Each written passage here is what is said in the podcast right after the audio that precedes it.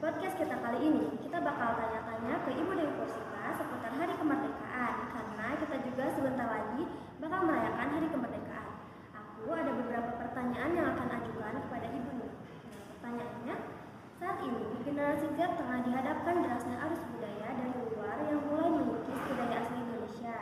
Bagaimana sih jalan keluarnya agar budaya Indonesia tetap dapat diterapkan dalam lingkungan para generasi Z ini, Bu?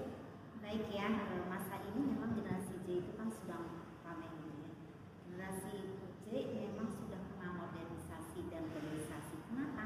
Karena dunia mereka adalah dunia internet, dunia digitalisasi. Memang mengikis eh, pada saat ini generasi muda, terutama adalah budaya yang sangat disoroti ada adab sopan santun. Jadi sudah lost of adab. Nah di sini mungkin bagaimana caranya agar para generasi Z ini bisa kembali kepada budaya bangsa. Ingat suatu bangsa bisa survei, bisa bertahan kelangsungan hidupnya karena dengan kebudayaan.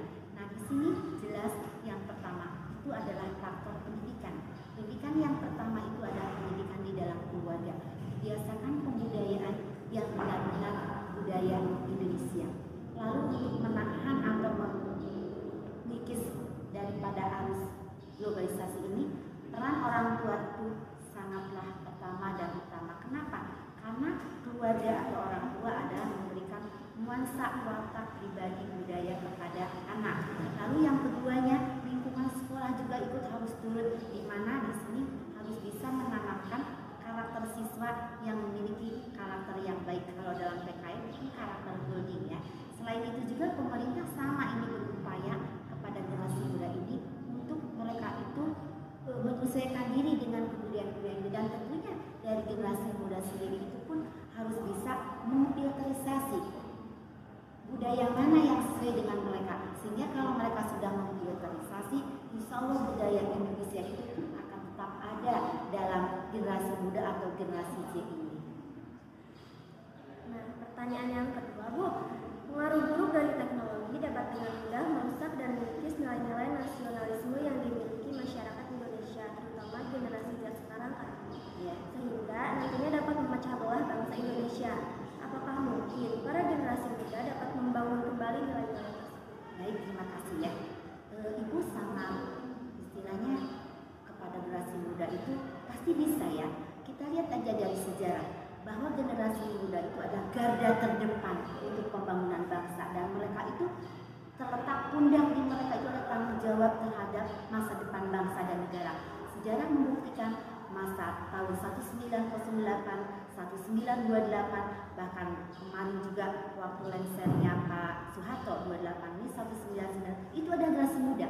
Jadi bisa pemuda itu bangkit kembali dan ibu yakin mereka bisa. Tetapi di sini bagaimanakah mengoptimalkan mereka dalam karakter building? Dan di sini mungkin ada caranya. Yang pertama jelas itu adalah pendidikan keluarga harus sinergis antara sekolah dan masyarakat.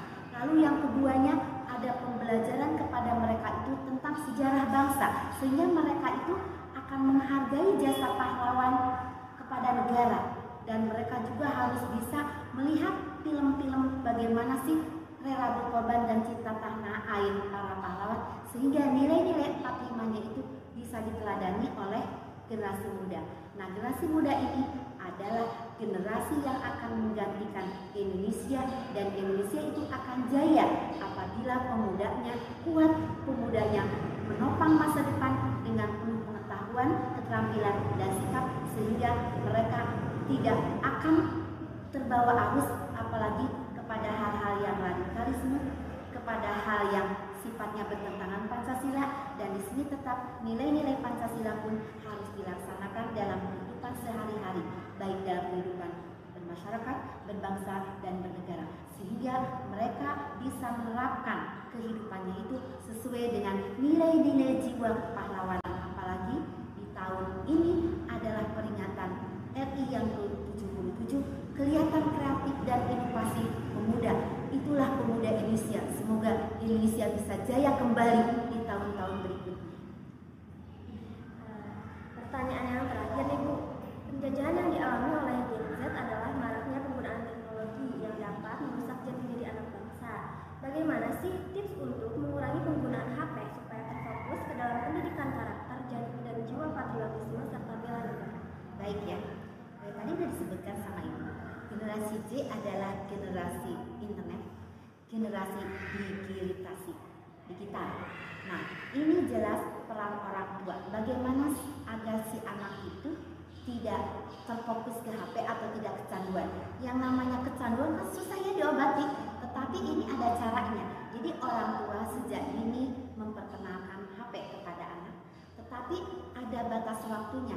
Kapan anak menggunakan HP, berapa jam, mungkin juga ponsel-ponsel tertentu yang mengganggu oleh mereka bisa dihilangkan atau dimatikan. Sebelum tidur juga mereka harus berusaha satu jam itu dimatikan juga ya HP-nya. Jadi mereka diarahkan HP-nya itu untuk hal-hal yang berguna. Nah, juga harus dikasih tahu pengetahuan bahwa dampak negatif dari HP itu banyak. Yang pertama mungkin merusak mata. Apabila kita menggunakan HP berjam-jam terlalu lama, mata kita jadi rusak. Telinga, maaf, itu juga kalau misalnya terlalu keras, masang handset di sini ya, juga bisa. Bahkan postur tubuh pun itu bisa kita itu berubah. Kenapa? Karena main HP mungkin tidak sambil tegak, tapi mereka sambil berbaring dan sebagainya ya, itu juga bisa merusak. Nah, juga ada yang sangat radikal, menghackkan punya orang lain, penipuan dan sebagainya. Nah, inilah pengawasan orang tua itu perlu sekali. Yang pertama adalah orang tua ya. Lalu yang kedua, itu bagaimana sih nilai? Setidaknya kita tahu bahwa nilai-nilai yang bermanfaat, berguna e, bagi kehidupan dirinya sendiri, masyarakat, bangsa dan negara. Lalu nilai nasionalisme, apa itu? Adalah nilai kebangsaan. Jelas nilai kebangsaan ini adalah nilai yang menjadi standar perilaku dalam kehidupan berbangsa dan negara. Nah itu juga harus ada caranya. Dan di sini siswa yang atau generasi muda yang punya kemampuan dalam konsep itu bisa oleh pemerintah atau sekolah oleh sekolah itu hobinya disalurkan ya. Sehingga mereka tidak kepada hal-hal yang negatif tetapi mereka lebih mengembangkan minat dan bakatnya kepada yang positif. Misalnya dunia poster dalam HP kan bisa ya. Lalu mereka membuat pembelajaran video lewat HP itu kan lebih ini lagi. Sehingga mereka mungkin e, nantinya akan lahir ahli-ahli IT dan mungkin yang dijiwai oleh e, sifat